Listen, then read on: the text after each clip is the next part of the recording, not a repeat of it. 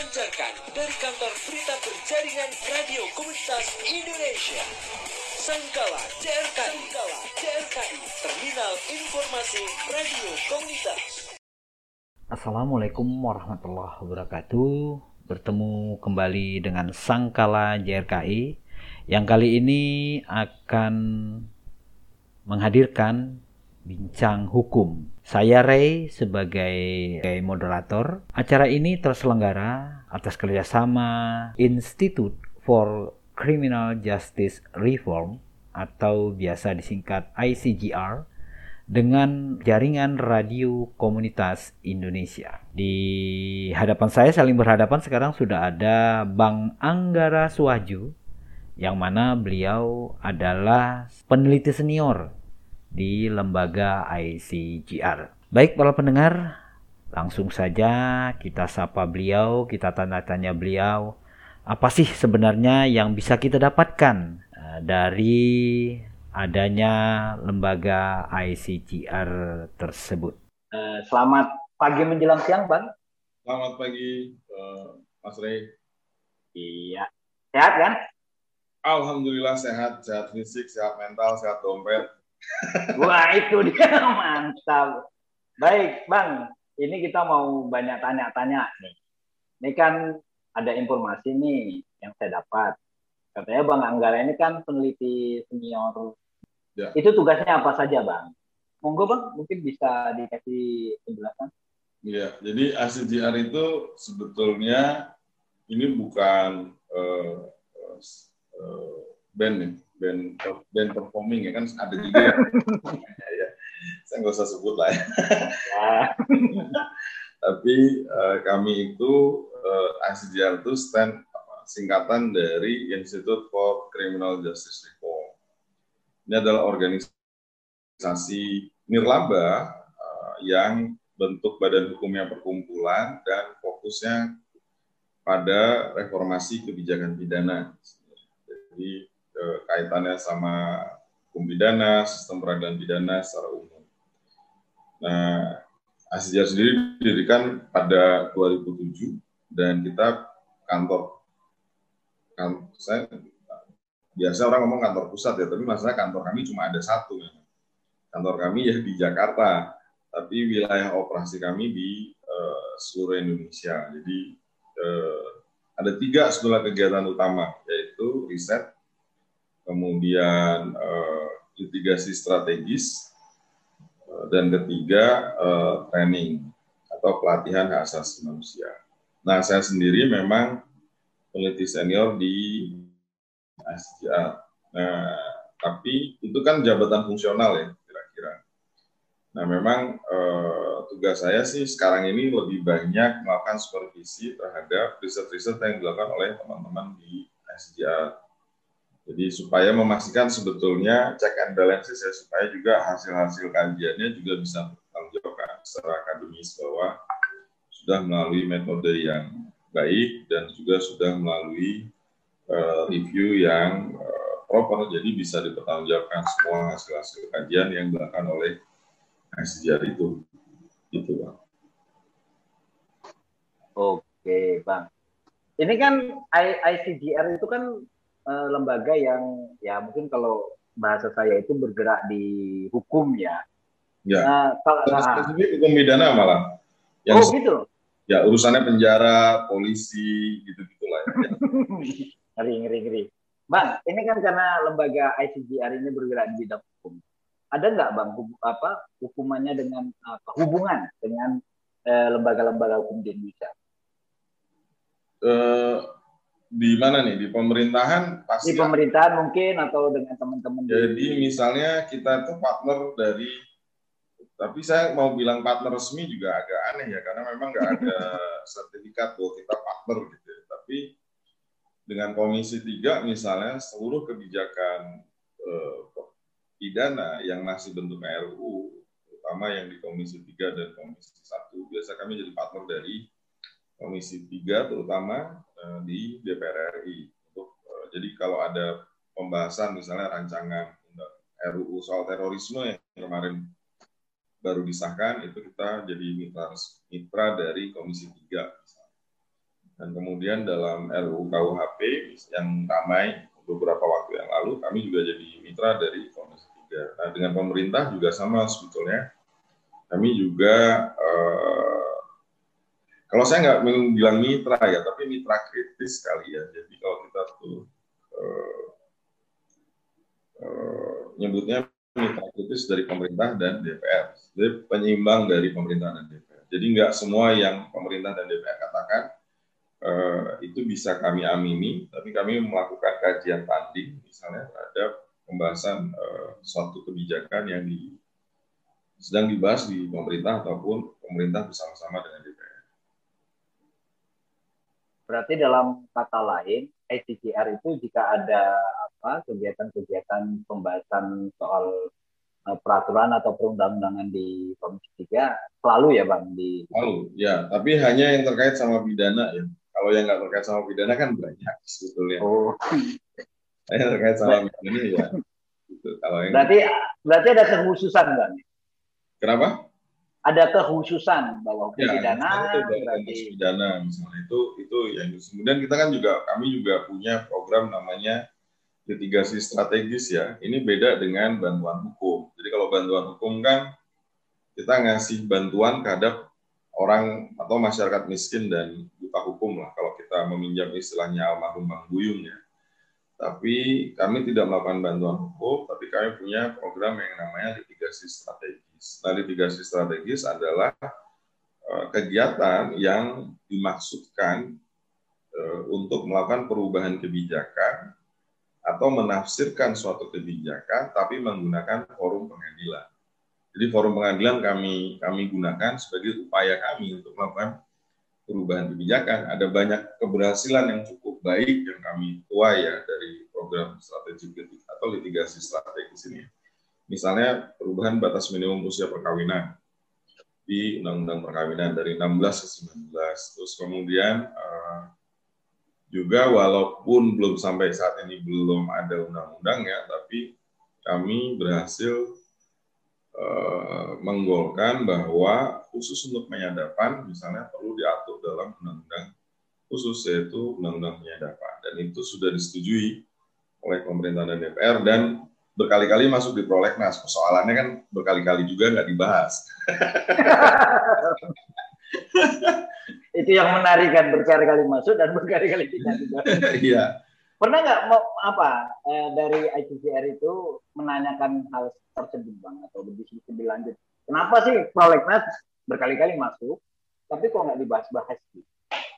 Ya program legislasi ini kan misalnya aturan itu kan jadi gini, saya suka kadang lucu juga sih kalau uh, ini ya, tapi mohon maaf ya, maksudnya media juga kadang nggak adil juga sama DPR bilang DPR malas gitu ya membahas suatu peraturan. Tapi masalahnya undang-undang itu tidak dibuat oleh DPR, tapi DPR bersama-sama dengan pemerintah. Dan sering kali sebetulnya dalam suatu pembahasan RUU yang nggak hadir itu justru pemerintahnya. Jadi ditunda berkali-kali itu karena pemerintahnya nggak hadir.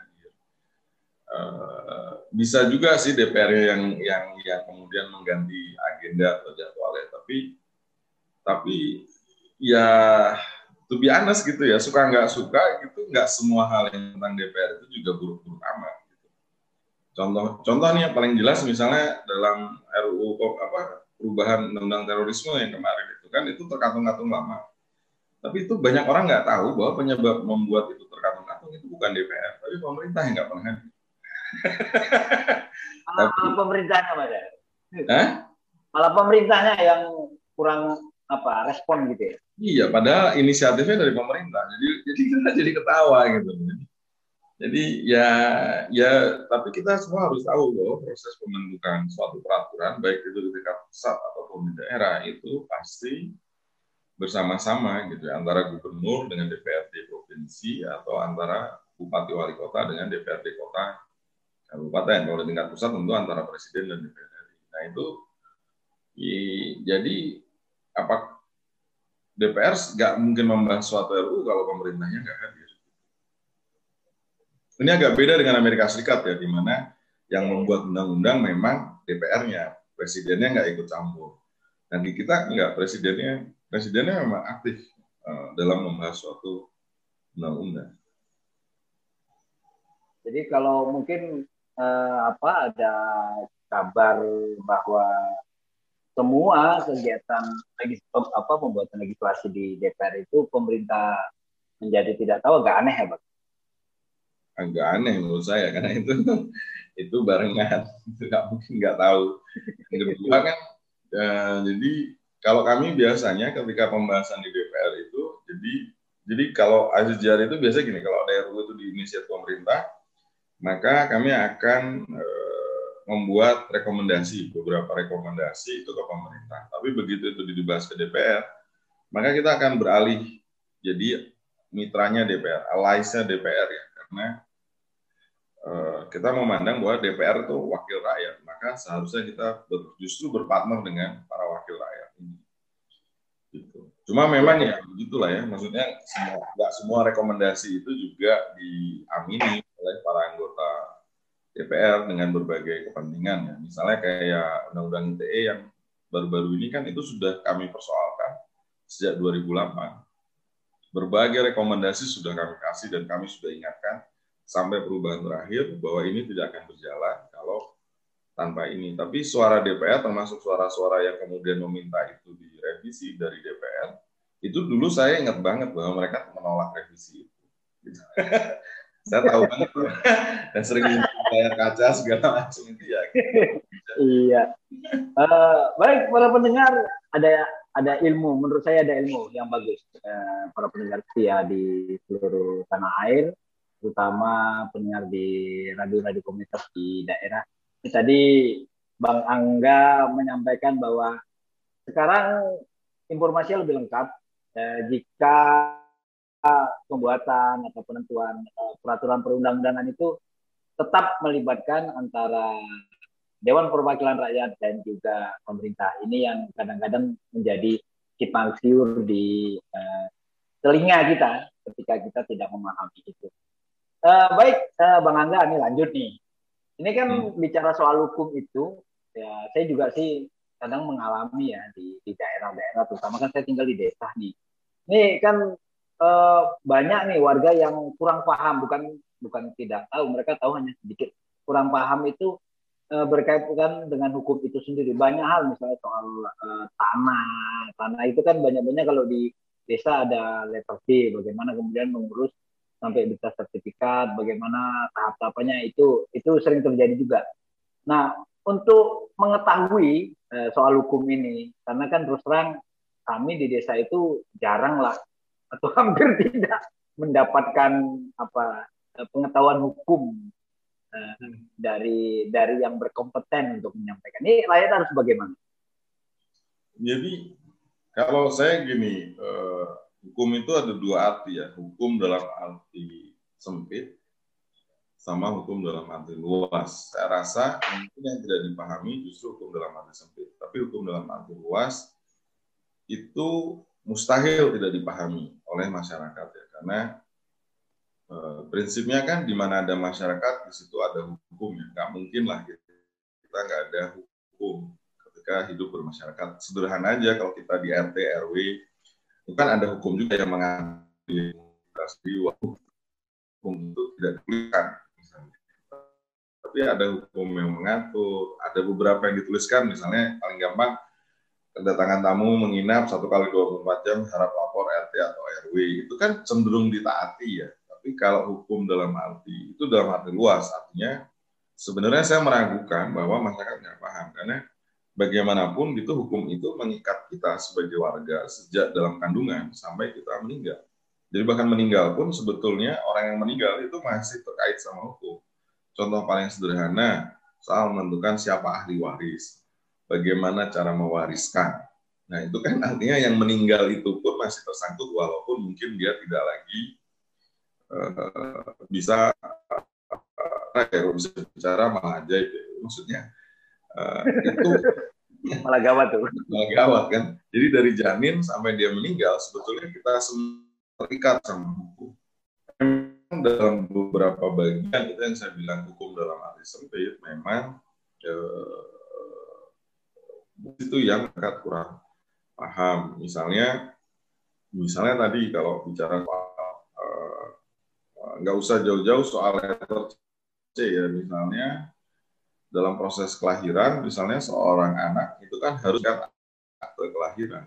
Tapi karena kendala atau tantangan geografis tantangan biaya itu menjadi sulit untuk dilakukan oleh masyarakat. Karena itu sebenarnya eh, doktrinnya harusnya pemerintah yang aktif gitu ya mana yang belum memiliki akte kelahiran untuk segera memproses eh, hak-hak warganya.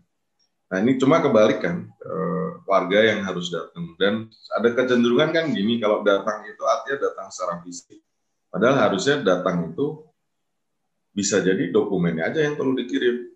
Kalau di desa saya nggak tahu ya, maksudnya mungkin bisa jadi jarak yang jauh. Kalau di kota persoalannya kan waktu pelayanannya ya pas jam kerja. Nah kalau kita lagi kerja setengah mati kan harus izin dari kantor, harus segala macam itu membutuhkan eh, waktu yang uh, nggak sedikit. Nah, memang sudah ada beberapa inovasi misalnya dari pemerintah, beberapa pemerintah kota kabupaten dan membuka layanan kependudukan di mall-mall. Tapi kan harusnya itu juga bisa dilakukan di tingkat yang paling bawah, misalnya di RT atau RW. Nah, yang begini-begini ini yang sebenarnya uh, kita masih perlu perbaikan ya di banyak banyak sektor ya, dan itu membutuhkan partisipasi masyarakat. Nah, kalau dari letter C ke misalnya soal tanah gitu, sertifikasi tanah. Pemerintah punya sertifikasi tanah sih. Nah, tapi ini kan apakah program ini dipahami sampai ke aparat yang paling bawah dalam hal ini RT yang dia pengayom warga kan. Nah, saya nggak ngerti nih mudah nggak? Karena RT juga kan sering kali saya nggak tahu kalau di kota sih di tempat saya tinggal ya. Uh, saya walaupun tempat saya tinggal masih masuk kampung tapi karena kita isinya apa ya orang-orang yang nomaden ya pagi ada di Jakarta malam ada di di rumah itu biasanya jadi ketua RT atau ketua RW yang pensiunan. Nah ini kan jadi persoalan juga kan nah ini partisipasi warga justru menurut saya juga harus aktif gitu. Jadi jangan jangan sampai yang RT ketua RT atau ketua RW itu memang memang harusnya yang muda-muda lah. Seperti minimal kayak Mas Renaldi harus jadi ketua RT atau ketua RW supaya informasi ke warga itu bisa disampaikan secara baik. Bagaimana memproses misalnya eh, bukti girik atau bukti letter C untuk diproses menjadi sertifikat eh, tanah sebagaimana yang didaftarkan di kantor pertanahan atau di kantor agraria. Persoalannya cuma informasi sih menurut saya yang nggak nggak sampai saya nggak tahu kenapa nggak sampainya ya tapi itu harusnya sampai ke lapis yang paling bawah. Iya, uh, saya jadi tergelitik tadi Bang Angga menyampaikan soal akte. Ini hmm. ini banyak yang ini nih banyak terjadi nih, Bang. Jadi kalau tadi saya menangkap kan kalau Abang menyampaikan sebenarnya eh, pemerintah dalam hal ini yang bisa lebih aktif. Nah, hmm. Saya pernah dengar itu di satu negara bahwa ketika ada anak lahir itu langsung disudut apa dinas pendudukan catatan sipilnya itu yang datang tuh kemudian nyatat ini anak siapa langsung dikasih ID. Nah kalau di kita itu kok bisa kembali itu gimana bang cara pola pikir di apa di pemerintah kita sebetulnya ini eh, Mas Rinaldi kalau menurut saya udah banyak perbaikan ya dibanding 20 atau 30 tahun yang lalu ya. Jadi tapi memang prosesnya masih berbelit. Jadi ada juga kecenderungan ini kan akibat di masa lalu di mana kalau kita ngurus pakai surat itu tidak diproses. Yang menyebabkan orang harus datang. Jadi kan misalnya gini Eh, prosedur atau tata kelola pemerintahan yang baik itu kan harusnya dokumen yang berjalan, bukan orang yang berjalan-jalan kan. Harusnya kita cukup datang misalnya kalau kita mau mengurus akte kelahiran, ya harusnya cukup datang ke desa atau ke kecamatan, unit pemerintahan terdekat, gitu, atau kelurahan atau kecamatan. Dari situ dokumen berjalan, kan? nggak perlu orangnya berjalan ke dinas kependudukan apa dan segala macam. Nah problem dengan administrasi pemerintahan kita kan bukan dokumen yang berjalan, tapi orang yang berjalan. Nah, ini memang masih harus kita uh, benahi dan ini buat saya sih kita harus butuh partisipasi masyarakat karena itu sebenarnya uh, forum-forum warga termasuk uh, apa, ya, apa yang dilakukan JRKI ya dalam konteks memberi penerangan ke komunitas-komunitas itu juga diperlukan sebagai sarana sosialisasi dan edukasi kepada tidak hanya kepada masyarakat juga terhadap pemerintah setempat.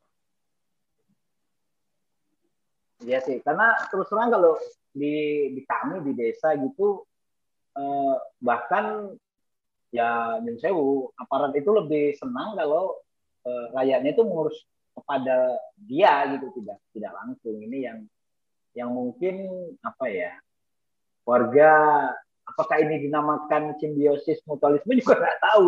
Tapi kalau itu warga ya asik-asik aja gitu bang. Sehingga ya kalau sih menurut hemat saya butuh ada apa ya pencerahan lah gitu bang yang yang mungkin nanti bisa didapati warga nggak paham lah bahwa ini sebenarnya lebih banyak dari tugas pemerintah.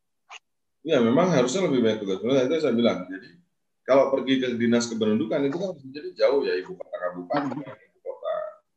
Saya aja jauh gitu loh ya, hitungannya ya eh, ibu kota. Tempat saya tinggal itu di Pamulang, saya tinggal di Tangerang Selatan. Hmm. Kota pemerintahannya itu di Pamulang. Dan itu literally jauh gitu. Kalau harus ngurus apa-apa dari tempat tinggal saya, saya mending ke Jakarta ketimbang ke Pamulang. nah, tapi kan, nah makanya saya bilang itu harusnya kan dilayani di uh, level yang paling rendah. Di mana nih? Di kelurahan atau di kecamatan? Ya cukup kita pergi ke situ nyampaikan seluruh dokumen dan kemudian di- dokumen itulah yang berjalan ke dinas kependudukan dan kemudian kembali lagi ke kita. Kita tinggal ngambil lagi di kelurahan. Cuma kan tentu butuh waktu butuh ya masyarakat juga jangan berharap bisa nggak tiga hari jadi ya nggak bisa juga biasanya gitu tuh, biasanya gitu. Dan ketika biasanya nih, itu juga karena ketidakjelasan informasi misalnya berapa hari sih pelayanannya betul, betul. bisa jadi Ya, karena itu, Ya, jadi ketika dikasih tahu, Pak ini butuh waktu sekian hari. Jadi kalau Bapak masukin sekarang, atau Bapak atau Ibu masukin sekarang, tiga hari kemudian kita akan proses di sini, empat hari kemudian nanti nyampe di sini. Nah itu kan kalau ada apa ya time limit, ya, apa batasan waktu yang diinformasikan sejak awal, tentu kita sebagai masyarakat juga tenang. Saya itu juga tenang kalau dikasih tahu waktu gitu, tapi kalau nggak ada waktunya kan saya bingung. Terus iya. Terus berapa lama jadinya? Ya kita panggil lah kalau nanti itu. Dia kalau dia ingat gitu. Karena saya tahu persis kayak bahkan saya yang saya tinggal aja nggak dicatat. Itu cuma ninggal gitu kan. Itu yang kemudian membuat kecurigaan atau dalam hati bukan kecurigaan yang Iya. membuat masyarakat jadi ragu apakah saya benar-benar dilayani dengan baik. Nah memang banyak dari dari, dari sisi komputer itu memang banyak hal yang harus dibenahi di tata kelola pemerintahan kita. Itu butuh partisipasi masyarakat menurut saya. Jadi nggak bisa juga masyarakat cuma sekedar apa eh, protes-protes tapi nggak mau jadi ketua RT, nggak mau jadi ketua RW. Soalnya ribet sih. ada ini nih. Tam- Cara partisipasi ya, tapi cara partisipasi betul. sebetulnya bagaimana kita promosi apa pelayanan kepada masyarakat. Jadi kalau masyarakatnya mengurus satu pelayanan ya udah kita yang kita yang urus ke desa atau ke mana gitu. Ya saya nggak tahu ya soal biaya-biaya dan segala macam ya, tapi sebenarnya ya memang apart pemerintah yang seharusnya lebih dekat dalam konteks dokumen-dokumen pendudukan seperti yang saya Baik, eh, Bang Angga, ini para pendengar semakin paham nih bagaimana sebenarnya ketika berurusan dengan dokumen-dokumen yang itu eh, ada aparat pemerintah yang sebenarnya bergerak makin jelas gitu. Jadi kalau nanti ada apa mengurus dokumen, kemudian dalam tanda petik ada sesuatu yang diminta, ini bisa dipertanyakan untuk apa. Dan juga eh, warga nih pendengar semua bisa menanyakan ketika dokumen ini saya masukkan berapa hari saya bisa mendapatkan suratnya itu? Sehingga yang mungkin yang sedang bekerja agak jauh bisa menunda untuk berangkat sehingga dokumennya bisa dibawa sekalian. Demikian ya Mas Angga ya? Iya, kalau nggak jelas, tapi itu memang masih soal, nggak nggak usah pergi ke jauh-jauh di Jakarta. Di sana kemarin teman saya ngurus satu dokumen ke pengadilan aja di website pengadilan sama informasi di loketnya bisa beda. Ya. Di website pengadilan cuma A sampai C gitu, begitu di loket A sampai E kan. Z jadi bolak balik bolak balik ya nah, ya itu maksudnya. itu benar-benar saya juga ya. ngalamin pernah gitu tuh ngurus surat-surat Pak yang ini masih kurang Pak butuh surat dari RT RW ya di kan enggak dia bilang ya balik lagi balik lagi Ya, itu dia. Makanya itu kan sebetulnya tadi ke- keaktifan pemerintah juga harus terus aktif kan. Dan kalau ada persoalan-persoalan itu kan kita punya kanal-kanal pengaduan. Ada ombudsman yang bisa digunakan. Jadi ada juga uh, uh, pengawas inspektorat jenderal misalnya di daerah kan juga ada. Nah, itu bisa digunakan semua itu. Walaupun ya apa ya uh, responnya mungkin masih perlu waktu. Iya iya. Baik, uh, Bang Angga, ini kita kembali ke ke IGCR. Ya. Ini kan kabarnya nih, kabarnya sedang gencar-gencarnya nih mengkampanyekan akses terhadap keadilan melalui ya. teknologi kepada masyarakat. Boleh mungkin dijelaskan seluas-luasnya sehingga nanti pendengar kami di berbagai daerah bisa mengerti, Bang. Monggo. Jadi akses terhadap keadilan, uh, akses terhadap keadilan itu bukan hanya soal, uh, jadi uh, tradisionalnya, secara tradisional akses terhadap keadilan itu biasa diartikan uh, dengan akses terhadap advokat atau saya advokat kebetulan jadi akses terhadap advokat.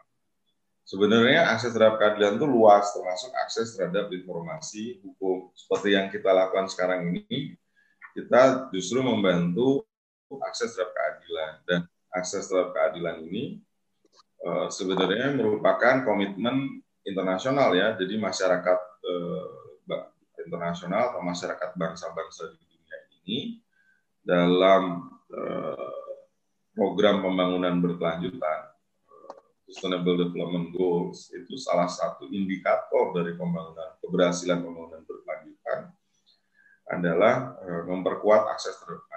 Yang salah satu dari capaian dari akses terhadap keadilan adalah akses terhadap informasi hukum. Caranya macam-macam melalui siaran radio ini kita memperkuat akses terhadap uh, keadilan. Jadi uh, siaran-siaran radio seperti yang kita perbincangkan ini uh, melalui mungkin podcast, YouTube, Facebook, bahkan saya rasa TikTok juga ya, yang paling milenial gitu. Uh, saya lagi pengen nyoba sih TikTok kan, tapi bisa nggak kebayang TikTok goyang hukum itu gimana itu? Ya. nah itu uh, yang kita fokuskan adalah memperkuat hukum. Jadi uh, hukum itu tadi saya bilang dalam arti luas sebenarnya diketahui oleh masyarakat. Justru hukum dalam arti sempit yang mungkin belum banyak diketahui sehingga uh, supaya dia diketahui maka akses terhadap informasinya harus dibuka seluas-luasnya tanpa hambatan. Nah, macam-macam sih, uh, enggak teknologi itu kan bukan berarti hanya internet ya. Sebenarnya teknologi itu juga termasuk penggunaan eh, radio mungkin apa namanya kalau dulu saya waktu kecil tuh eh, orang radio amatir ya iya. Radio amatir. Nah itu itu sangat mungkin membuka akses terhadap keadilan apa membuka. Jadi informasi hukum itu tersedia disediakan dan orang bisa mengakses.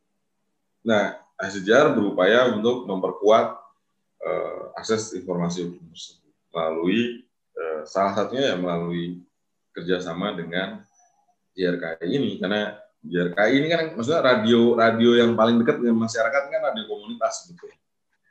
Nah ini, ini kita coba uh, uh, supaya pendengarnya JRKI di seluruh Indonesia ini juga uh, punya informasi hukum yang memadai. Nah dengan bantuan teknologi dalam arti ini kami membangun platform sebetulnya Eh, supaya orang bisa mengakses uh, platform kami tersebut. Nah, uh, tapi kan masalahnya sejatinya platformnya banyak ya, websitenya banyak. Jadi kalau misalnya pisah-pisah kan capek ya dari sini klik sini klik sini gitu. Jadi kita coba bangun semacam uh, pusat layanan gitu ya. Kalau di kami menyebutnya sih information hub ya.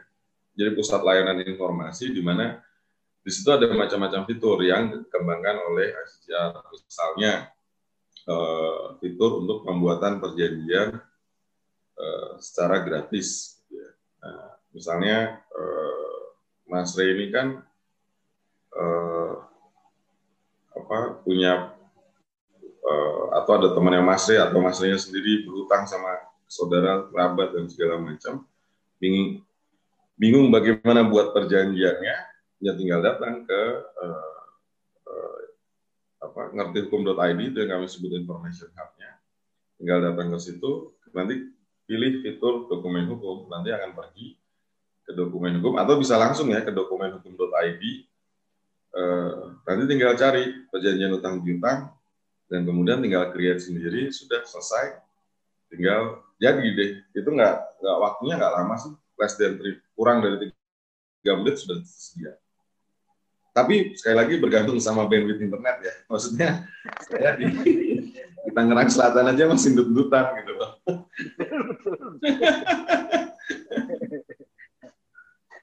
Jadi mesti di, di Jawa, di kota besar juga eh, mesti internetnya mesti, mesti amburadul gitu ya sinyalnya bang ya.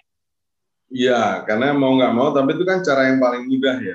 Walaupun, uh, tapi itu kan bisa dibantu juga. Nah, Kemudian Sejarah juga mengembangkan, ini sekarang masih proses updating ya, itu eh, aplikasi untuk mencari jasa hukum di sekitar tempat tinggal kita. Nah, jasa hukum ini bisa jasa hukum, jasa bantuan hukum atau jasa hukum yang komersial. Misalnya eh, saat ini di database-nya Sejar itu ada 83 organisasi bantuan hukum dan firma hukum yang kami punya datanya. Jadi itu nanti akan kami update terus di uh, website kami namanya lohab.id, tapi sekali lagi Anda bisa mengakses langsung ke lohab.id atau dokumenhukum.id atau melalui nantihukum.id. Nah dari situ nanti uh, kalau sudah ke lohab.id tinggal cari sebetulnya. Yang paling dekat kantor hukum yang paling dekat dari tempat tinggal kita tuh kantor hukum mana saja sih. Dan kita tinggal berhubungan sama mereka jadi bisa kita cari dengan cara yang lebih efisien lebih cepat lebih mudah.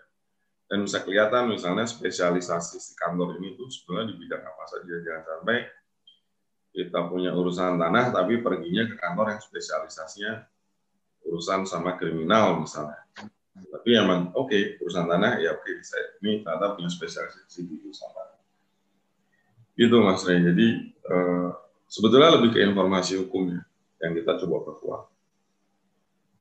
Ya, eh, jadi eh, bisa didengar oleh para pendengar dari seluruh Nusantara bahwa eh, IDCR ini lagi membuat satu link yang namanya eh, nanti hukum ID ya, ya bang ya, yang mana ini bisa diakses karena di dalamnya banyak sekali informasi-informasi yang bisa didapat oleh uh, masyarakat dan juga pendengar di seluruh tanah air.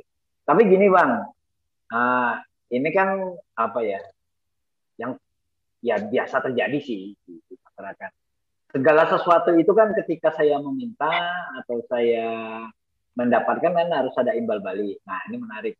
Apakah kemudian ketika warga nah, atau masyarakat atau pendengar kami di seluruh Nusantara itu ingin uh, apa uh, mendapat bantuan lewat uh, Lauhub ID, apakah masyarakat dikenakan biaya? Um, sebenarnya ngakses websitenya enggak ya, tapi tinggal nanti dipilih mau uh, fokusnya ke bantuan hukum atau memilih jasa komersial dari firma-firma. Uh, jadi kita bisa pilih sebenarnya kalau organisasi bantuan hukum atau LBH ya harusnya dia nggak komersial ya. Karena mereka terima dana uh, bantuan hukum dari negara. Tapi bahkan firma-firma hukum juga ada yang menyediakan layanan pro bono karena para advokat ini, saya ini dikasih kewajiban 50 jam setiap tahun untuk melakukan pro bono sebetulnya. Nah ini kalau dalam konteks itu saya bicara di DRKI ini aktivitas pro bono saya. Tinggal nanti saya hitung berapa jam. Nah, misalnya dengan Mas Renaldi ya satu jam, nanti sama siapa lagi satu jam. Gitu. Nyampe lah itu 50 jam. Jadi pada dasarnya sih nggak usah takut ya, karena ada pilihan ya. Gitu. Kalau mau eh, yang gratis, ya tinggal akses yang OBH. Tapi tentu ada syarat yang ditetapkan kan. Undang-undang menetapkan syaratnya eh, apa? Dia harus menyertakan dokumen selalu pada surat keterangan tidak mampu gitu dan macam-macam dan nanti kemudian biayanya akan dikeluarkan dari negara. Tapi kalau mau cari yang komersial misalnya, ya silakan bisa cari yang firma hukum. E, misalnya UMKM gitu ya, UMKM e, e, dia mau berhubungan sama komersial lawyer karena biasanya OBH ini nggak ngurusin UMKM biasanya, tapi firma-firma hukum. Tapi ada juga firma-firma hukum yang spesialisasinya di di apa namanya di di usaha gitu ya bisnis, tapi mereka mau kasih pro bono ke usaha mikro dan kecil. Misalnya saya saya saya juga ngasih pro bono misalnya konsultasi haki nih buat teman-teman UMKM yang mau konsultasi haki, daftarin merek gimana sih? Apa saya harus mendaftarkan merek saya dan lain sebagainya. Itu bisa minta konsultasi gratis juga. Uh, ini bukan promosi saya, tapi maksudnya saya gitu. saya juga bisa apa uh, diminta untuk konsultasi untuk uh, wilayah yang. Tapi kalau saya khusus UMKM sebetulnya lebih ke konsultasi hakinya, bukan soal-soal yang lainnya. Nah, uh, banyak model firma-firma yang seperti itu, uh, Mas Rey. Jadi nggak usah takut dulu. Uh, kan kita bisa berhubungan setelah tahu misalnya di lokasi kita ini, di lokasi saya misalnya di di Tangerang Selatan ternyata ada lima nih firma hukum dan organisasi bantuan hukum di sekitar saya yang ada di database kami tentunya ya. Mestinya database kami lebih kecil dari jumlah aktualnya. Ya saya tinggal menghubungi masing-masing kan uh, untuk lihat atau uh, fitur yang lagi kami kami kembangkan sebetulnya layanan konsultasi online. Ini memang belum bisa diakses itu layanan konsultasi online. Nah itu harusnya itu lebih mempermudah tanpa harus orang takut kena biaya terlebih dahulu. Tapi uh, kalau yang pembuatan perjanjian itu memang free of charge, jadi silahkan gunakan. Cuma kalau yang pencarian jasa hukum memang ada yang organisasi bantuan hukum, ada yang firma hukum. Tapi jangan lupa firma-firma hukum ini juga punya kewajiban pro bono. Jadi nggak usah takut lah, gunakan. E, kalau ada sesuatu yang e, apa tidak menyenangkan ya nanti kasih tahu aja ke ICJ kita akan follow up. Mudah-mudahan sih enggak ya, karena kami nggak asal menerima data itu ya, memang benar-benar dikurasi. Iya, terima kasih penjelasnya Bang Enggak.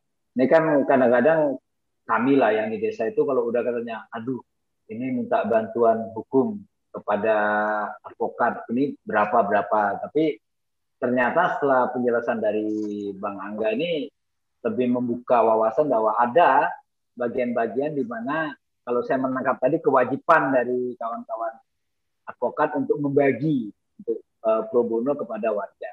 Ini baik sekali bang, artinya ini pendengar kami di seluruh Indonesia ini menjadi lebih paham gitu. Oh, walaupun mereka advokat dan uh, memang harus membayar, tapi ada sisi di mana mereka juga harus. Matur nuwun banget nih bang ini ya. hal ini seperti ini.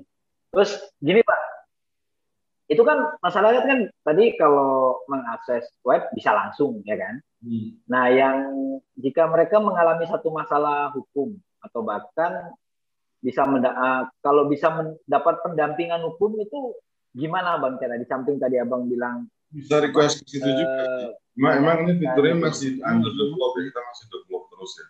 Yang harusnya dijalankan sekarang itu fitur memang pencarian. Nanti akan nanti ada fitur kayak kayak salah satu aplikasi yang jadi unicorn atau dekakon itulah ya. Mencari terus ketemulah harganya kira-kira. Nah itu itu sedang dikembangkan tapi on progress semuanya mudah-mudahan uh, bisa lebih cepat kita implementasikan. Berarti ini untuk yang apa? Untuk website yang ngerti hukum ini uh, masih yang berjalan yang bisa langsung diakses ini informasi juga berkaitan dengan pembuatan-pembuatan apa ya bang ya surat menyurat uh, ya. yang hubungannya dengan perjanjian gitu bang. Ya. Karena kan nggak semua orang bisa bikin perjanjian. Betul. Ya, ya bisa sih, tapi biasanya bahasanya terlalu sederhana. Ya. tapi kita coba sediakan uh, uh, dan itu bisa otomatis terbuat. Jadi nggak perlu copy paste segala macam, tinggal masukkan informasi yang dibutuhkan, selesai ya. Dan itu harusnya kurang dari tiga menit. Uh. Ya. Karena kan permasalahan hukum sebenarnya kan banyak sekali di desa-desa. Kalau jadi awal abang menyatakan secara lebih luas pengertian hukum sih memang warga ya para pendengar semua sih paham atau mungkin itu yang dinamakan local wisdom itu ya bang? Hmm, nggak tahu ya, tapi kalau menurut saya ya defaultnya kan orang tahu ya mana baik mana buruk. ya, ya ibaratnya kalau bertandang lebih dari jam 21.00 ah harus pulang atau mau ke ya, yang lain kan gitu. buruk lah, ya. gampangnya kan itu ya. Sejak ya. kecil kita udah diajari ini hal baik, ini hal buruk. Jadi kalau saya ya. apa ya normalnya ya orang udah tahu. Jadi yang persoalan kan memang ketika bicara soal hukum dalam arti sempit yaitu peraturan. Ya. Yang peraturan itu jangankan masyarakat saya aja bisa jadi nggak tahu. Iya, iya, iya. Nah, ini ini semakin menarik nih, Bang. Tadi kan Abang menyatakan ketika sempit berkaitan dengan peraturan peraturan jangankan kami orang awam yang sama sekali nggak belajar hukum nih yang hmm. tahu-tahu. Itu aja sulit. Nah, apa? Itu sulit. Sementara abang uh, yang belajar konsen itu juga sulit untuk memahaminya. Nah untuk mengantisipasi ini bang kira-kira akankah nantinya ITCR melakukan roadshow ke daerah-daerah terutama di mana radio-radio kami ini adalah untuk melakukan pembinaan masyarakat dalam peningkatan pengetahuan tentang hukum Ya, ini ini roadshow enggak? ini persoalan jadi saya tuh jadi persoalan kita kan kendala geografis ya tantangan geografis ya di mana kita negara kepulauan dengan 16.000 pulau di seluruh Indonesia. Satu persoalan yang kami hadapi tentu persoalan biaya, enggak enggak mudah gitu ya. Uh, apa menerbangkan atau memindahkan orang dari satu titik ke titik yang lain. Eh, dan saya tahu persis misalnya kadangkala dari ibu kota kabupaten itu masih berapa jam lagi ke ke, ke kecamatan atau ke desa segala macam. Apalagi di luar Pulau Jawa misalnya. Di Jawa aja kan masih jauh gitu. Di, luar Jawa apalagi saya sering saya sering bercanda tuh sejam. Wah kalau sejam jauh juga ya saya bilang begitu ya. Enggak kok deket enggak jauh. Saya bilang sejam kalau di Jakarta tapi sejam di di Palembang itu atau sejam di Lampung itu beneran jauh. Saya bilang gitu kan beneran jauh. Tapi sejam di Jakarta wah cuma berapa kilo. Saya dari saya kalau ini karena masa pandemi ya, saya ke kantor itu cuma 30 kilo, tapi itu bisa satu jam, literally satu jam. Gitu kan. Jadi, tapi sekarang karena masa pandemi, jadi 30 kilo bisa kita temu dalam waktu 30 sampai 40. Dan tapi kalau di daerah kan satu jam itu jauh beneran. Jauh, jauh beneran. Kalau di Jakarta ibaratnya satu jam tuh macetnya minimal 30 menit gitu kan. Ya, iya. Jadi eh, dalam dalam waktu dekat ini kita coba ada gambaran dengan, dengan dengan bantuan teknologi tentunya. Jadi hmm. kalau kita roadshow, ya roadshow-nya ya seperti ini, model seperti ini. Kita bisa berbincang-bincang uh, uh, dengan uh, pendengar di di mana JRKI beroperasi misalnya. Dan kami tentu sangat senang bisa apa ya bekerja sama sama JRKI untuk menyebarluaskan informasi hukum Tapi kalau beneran datang, nah ini saya masih mikir nih, misalnya kalau beneran datang itu tantangannya banyak. lain iya. orangnya sedikit juga soal yang lain ada soal biaya yang kami harus pikirkan. Gitu. Tapi kalau dengan bantuan teknologi kan, insya Allah gitu jauh lebih mudah kita laksanakan.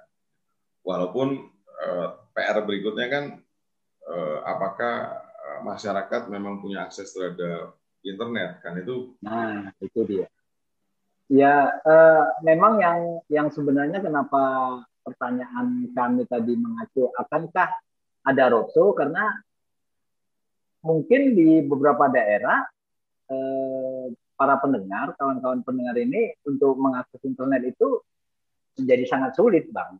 Iya. Ya.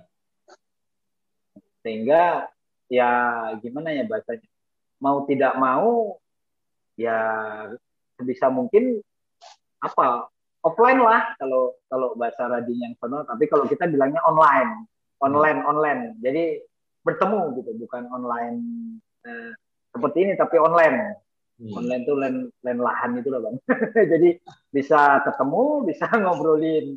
Karena free on kita tuh nggak ada offline. Kalau offline tuh artinya nggak bersiaran mati radionya mati. Nah itu kita nggak pakai. Nggak kita pakai online. Hmm. Jadi on air, online, online. Gitu. Nah, ya ini para pendengar juga kita sampaikan bahwa ayo kita doa doa bareng-bareng nih agar ICCR nih ada ada yang gede gitu kan masuk anggarannya terus bisa bertemu kita langsung kita ada satu ngobrol-ngobrol. Ya, ya karena penting banget bang. Serius ini penting oh, banget. Ini serius penting banget. Tapi memang uh, bahkan yang paling ini ya saya uh, biasa dia juga ada. Pokoknya kalau teman-teman mahasiswa yang undang sebisa mungkin usahakan hadir ini juga bisa jadi kan kalau teman-teman JRK yang undang sebisa mungkin usahakan hadir. Nah, tapi kan memang tantangannya kalau sekarang ini banyak Mas Rey, bukan hanya soal jarak ya, tapi juga soal pandemi ini kan yang membuat uh, di ICJR ada standing operation yang itu berjenjang izinnya kalau mau keluar dari Jakarta. Dan nggak gampang getting permission keluar dari Jakarta itu karena uh, apa uh, harus benar-benar apa urgent ya uh, sifatnya ya. Uh, kita nggak mau lah staff, staff kita terkena uh, COVID hanya karena perjalanannya. Karena itu berarti tanggung jawab organisasi harus full ya. Kita harus bertanggung jawab atas kesehatan keselamatan dari staff staff di NCR. Tapi nggak jauh pergi dari Jakarta aja masih bisa kena kemungkinan orang, apalagi keluar gitu. Jadi ini nggak cuma soal soal pandemi ini memang ya kita tunggulah situasi kembali normal. Saya rasa sih nanti kalau misalnya ada undangan resmi dari JKI sih mudah-mudahan insya Allah bisa dipenuhi. Cuma kalau di situasi seperti ini memang uh, ya nyuwun sewu gitu ya izinnya tuh banyak banget gitu uh, karena kita semua di Asijar ingin memastikan bahwa keselamatan setiap orang itu prioritas utama keselamatan setiap orang. Setuju setuju banget itu. Hmm. satu nyawa tuh betul betul berarti. Setuju banget. Setuju banget itu. Ya itu dia. Ya kalau dalam waktu dekat masa pandemi ini kan kayaknya agak agak sulit ya kalau kawan-kawan ya. ICGR bisa ini ketemu ke pendengar kami. Jika jika di salah satu daerah atau salah satu di mana rakom kami berada kemudian warganya berkumpul di daerahnya, kemudian mungkin nggak ICCR itu memberi ya semacam pelatihan atau gambaran mungkin hmm. lewat online seperti ini, bang? Tentu, saya rasa sangat mungkin, sangat mungkin itu dilakukan. Dan saya, uh, harusnya tidak ada halangan apa pun uh, untuk buat pelatihan-pelatihan sederhana ya soal hmm, hmm, harusnya sih nggak ada, cuma memang tantangan dari pelatihan online kan uh, ada ini ya, ada apa namanya, ada kebosanan yang luar biasa ya dari orang yang ya, ya.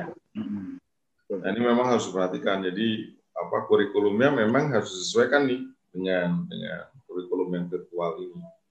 Kalau di data kami itu biasa pelatihan-pelatihan itu orang nggak tahan lebih dari satu setengah jam, Mas Ri. Betul, betul, betul. Setuju, setuju. Nah, ini memang jadi catatan tersendiri. Jadi kita biasanya uh, uh, berdebat tuh kalau pelatihan normal biasanya tiga hari itu kalau online jadi panjang karena kalau tiga hari jam nih nah ini satu setengah jam dia sehari satu setengah jam aja jadi lebih panjang sebetulnya Padahal bahannya segede gaban ya, harus dipecah dikit-dikit. Gitu. Iya, tapi sangat mungkin itu dilakukan menurut saya. Ya, ya. ya karena kan apalagi ketika masa pandemi ini kan banyak pendengar di rumah sehingga informasinya juga terbatas sementara masalah-masalah hukum kan terus bergulir itu ya, ya kalaulah kemudian bisa mendapat akses pengetahuan itu kan lebih baik sih sebenarnya ya. ya. uh, baik para pendengar informasinya dari uh, Bang Angga yang dalam ini mewakili ICTR sampai pada tahap bahwa ya kita sih mau sih ya ketemu. Kita adakan satu acara di mana? Di Bandung misalnya. Di salah satu daerah di Jawa Barat.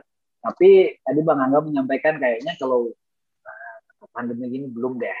Karena peristiwa satu nyawa is, harus dijaga banget lah.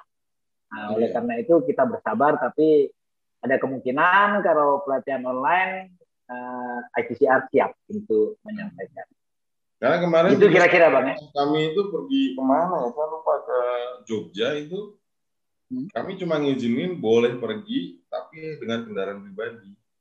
Oh. Nggak dibolehin naik kereta pesawat karena itu tadi.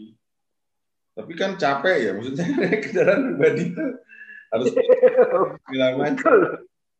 Ya, karena ya itu karena iya. pertimbangannya iya. soal keselamatan itu. Jadi jangan sampai kita ini ya, maksudnya benar-benar keselamatan itu emang kita nomor satu kan di saat situasi seperti ini. Nah nanti mungkin setelah semua apa program vaksinasi massal itu pemerintah sudah roll out benar-benar dan menjangkau banyak populasi misalnya, yang mungkin kebijakan-kebijakan itu akan berubah. Tapi di saat seperti ini memang memang memang kita belum mengizinkan sebenarnya pada dasarnya orang bepergian keluar terutama dari Jabodetabek. Hmm. Jadi masih konsennya masih di kantor aja lah ya. Kantor Iya, Jabodetabek sih. Kalau masih Jabodetabek boleh, tapi Dulu Jakarta kan yang kita nggak bolehin orang keluar dari Jakarta. Sekarang udah lebih besar Jabodetabek. Jadi kalau Jabodetabek masih diizinkan. Yang nggak diizinkan keluar dari wilayah itu. Iya, malah ini radio kita yang kita libatkan ini Lampung, hmm. Jawa Barat, sama Sulawesi Selatan. Ya iya. Jauh-jauh gitu di luar Jabodetabek. Tapi oke okay lah, Bang. Nggak, nggak, nggak masalahnya kita akan tetap bersabar dan kita akan mencari formula-formula yang uh, lebih bisa kita ketemu gitu dan saya yakin ICCR masih terus berguna. Nih Bang, ada ada pertanyaan ini yang puncaknya itu. Tadi kan kita bicara soal uh, ngerti hukum hmm. ID. Mungkin nggak ada di samping uh, apa? Di samping website itu ada nggak platform atau link lain yang dapat diakses oleh warga Bang yang ingin mengetahui tentang hukum yang semuanya itu uh, yang mengelola? Uh, banyak ya, ada reformasi KUHP.org itu kalau mau baca soal KUHP, tapi itu pasti isunya uh, is, isunya sih agak berat ya, karena perbincangannya juga agak akademik. Uh, kemudian ada uh, hukuman mati.id itu database database tentang hukuman mati saat ini terbesar di Indonesia. Jadi semua ya itu ada 300 saya lupa 300 perkara gitu yang tersimpan di database. Itu sudah diputuskan belum itu Bang yang 300 itu? Hmm? Yang 300 sudah diputuskan atau belum? Benar putus, berkasnya ada. Jadi itu mau nyari berkasnya untuk mau belajar bisa gitu ya. Kenapa sih orang dihukum mati gitu? Bisa oh. Bisa belajar. Jadi banyak terus kemudian di YouTube-nya Sejar kan juga ada tuh video-video soal hukum yang bisa dipelajari, ada diskusi-diskusi soal hukum yang nggak bisa diikuti uh, di YouTube channel YouTube-nya Sejar. Jadi uh, ada banyak sih sebetulnya. Cuma memang di yang artihukum.id itu ada empat sebetulnya uh, fiturnya ya yang dari ICJR itu soal dokumen hukum.id tadi, lawhab.id, channel YouTube-nya CGR dan yang terakhir itu e-book gratis yang bisa di-download dari CGR. Jadi silahkan kalau tertarik membaca e-book bisa download gratis tanpa dikenakan biaya apa. Ya kayaknya kayaknya kalau apa sekarang ini warga lebih senang mendengar sama menonton, Mbak. Iya. kalau ebook, ya. iya. Tapi tapi bukan berarti ebook itu nggak nggak berguna dong. Ya, ya iya. Maksudnya kalau ada yang tertarik membaca ebook, jadi uh, kita uh, sejarah punya beragam publikasi baik dalam bahasa Indonesia ataupun dalam bahasa Inggris mengenai tapi mengenai kebijakan pidana ya secara umumnya. Jadi kalau mau uh, reformasi pidana ya download aja e-booknya banyak banyak banget kok produktif sekali kok kan sampai satu. Dan gratis ya bang, sekali lagi gratis ini yang paling utama nih. Kalau e gratis, kalau printnya yang enggak, karena pasti ada biaya kirim kan. oh iya, betul betul betul. Berarti tapi download ya, download juga pakai pulsa kan? Iya, tapi maksudnya kan iya. kalau jadi saya sempat ketemu tuh di salah satu marketplace ada orang jual peringan eh. buku yang kami produksi di Setengah. Itu dijual enam ratus ribu aja saya ketawa. ya karena itu memang apa ya? dianggap ini loh, uh, dianggap salah satu masterpiece lah. Belum ada hmm. yang karya itu. Memang Kalau boleh tahu tentang apa itu, Bang? Soal pra peradilan. Oh, dia lagi rame kan? lagi ya, rame. rame dan dan itu cukup apa ya cukup banyak di hukuman mati juga ada dua kan serial hukuman mati satu soal politik hukuman mati. Kenapa? Kapan sih hukuman mati itu mulai dikenal? Dan kenapa itu diterapkan? Terus satu lagi soal uh, uh, analisis terhadap putusan-putusan hukuman mati itu. Nah dua-duanya itu buku-buku tebal printnya tiga-tiganya ya pra peradilan itu buku dan itu dijual kalau seingat saya dijual di marketplace itu cukup mahal. Tapi saya juga bisa ketawa lah ngapain di ngapain beli? Kalau tersedia e-book ya tapi ya kan ada juga orang senang dengan buku ya. Saya sendiri lebih senang uh, megang buku ketimbang ya betul betul. Dan dan yang menarik itu kan ada orang yang kolektor buku bang. Jadi dia beli buku untuk dikoleksi. Oh iya bukan dibaca ya. Bukan dibaca dikoleksi. Tapi ketika orang bicara oh ini ada buku ini, oh saya punya gitu, udah baca? Belum, belum sempat. ya, saya juga banyak tuh buku yang kayak gitu, yang hmm. saya beli rencananya mau dibaca, tapi nggak kebaca juga. nah, kalau kalau kalau abang kan mungkin waktu, tapi kan memang ini ada kolektor buku betul itu. Jadi kalau kalau lihat di ruangan perpustakaannya tuh bukunya bagus-bagus dan lihat belum pernah dibuka gitu mesti. ya untungnya nggak di plastik ya aja gitu. Oke, uh, Bang Angga kayaknya apa ya perbincangannya menarik ini. Tapi ya klise lah bahwa ini waktunya kan ini udah mau berakhir nih. Ya. Artinya kita dikasih waktu hanya satu jam dan mau tidak mau nih secara paksa harus kita akhiri. Resminya harus kita akhiri gitu loh. Ya. Ini kan juga kan? Ya ini kan hukum juga kan ada batas waktu itu hukum juga iya betul betul tapi kadang kita nggak sadar gitu loh nggak sadar bahwa oh iya ini ternyata berkaitan dengan hukum harus kita sepakati bahwa oke okay, satu jam dan ini waktunya harus sudah berakhir gitu ini perbincangan saya menarik bang sebelum kita bubaran lah kalau sekolahan gitu kan kira-kira statement atau apa ya ungkapan abang yang berkaitan dengan program-program PCR yang nantinya bisa eh, kawan-kawan Eh, kami di daerah juga pemirsa pendengar di radio kami di seluruh Nusantara bisa betul-betul memanfaatkan uh, website ngerti hukum ini. Monggo bang.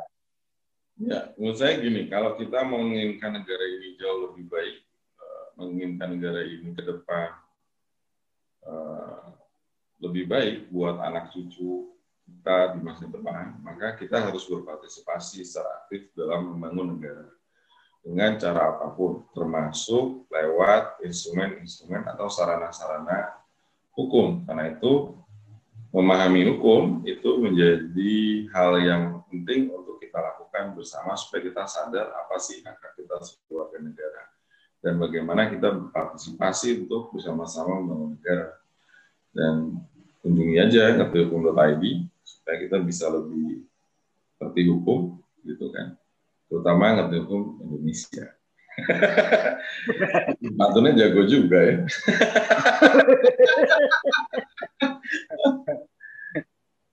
Berarti yang utama itu mari memanfaatkan ya Bang. Apa yang sudah ya. ada dan ya kalau bahasa umumnya mari belajar bareng lah. Ya. Bagaimana kemudian kita bisa terlibat eh, berkaitan dengan reformasi hukum di negara kita. Baik, Bang Angga, terima kasih. Hmm. Saya berharap masih bisa diskusi lagi berkaitan dengan hukum, tapi di lain waktu. Ya. Karena mau tidak mau secara hukum kita sepakat satu jam, hingga satu jam ini harus kita berakhir. Hmm. Eh, terima kasih Bang Angga dan selamat hmm. siang, salam sehat. Salam untuk keluarga juga, keluarga besar ACCR. Ya. Semoga sehat selalu dan terus berkarya buat kami warga negara Indonesia dan juga pendengar radio komunitas. Gitu bang, selamat siang. Selamat siang, salam sehat juga. Semoga semua menjaga kesehatan dengan baik. Kita bisa berjumpa lagi di lain waktu dalam situasi yang lebih baik. Sampai jumpa Mas. Baik. baik bang. Baik para pendengar radio komunitas di seluruh Nusantara, itu tadi bincang-bincang kita dengan uh, Bang Anggara Swaji, peneliti senior ICCR.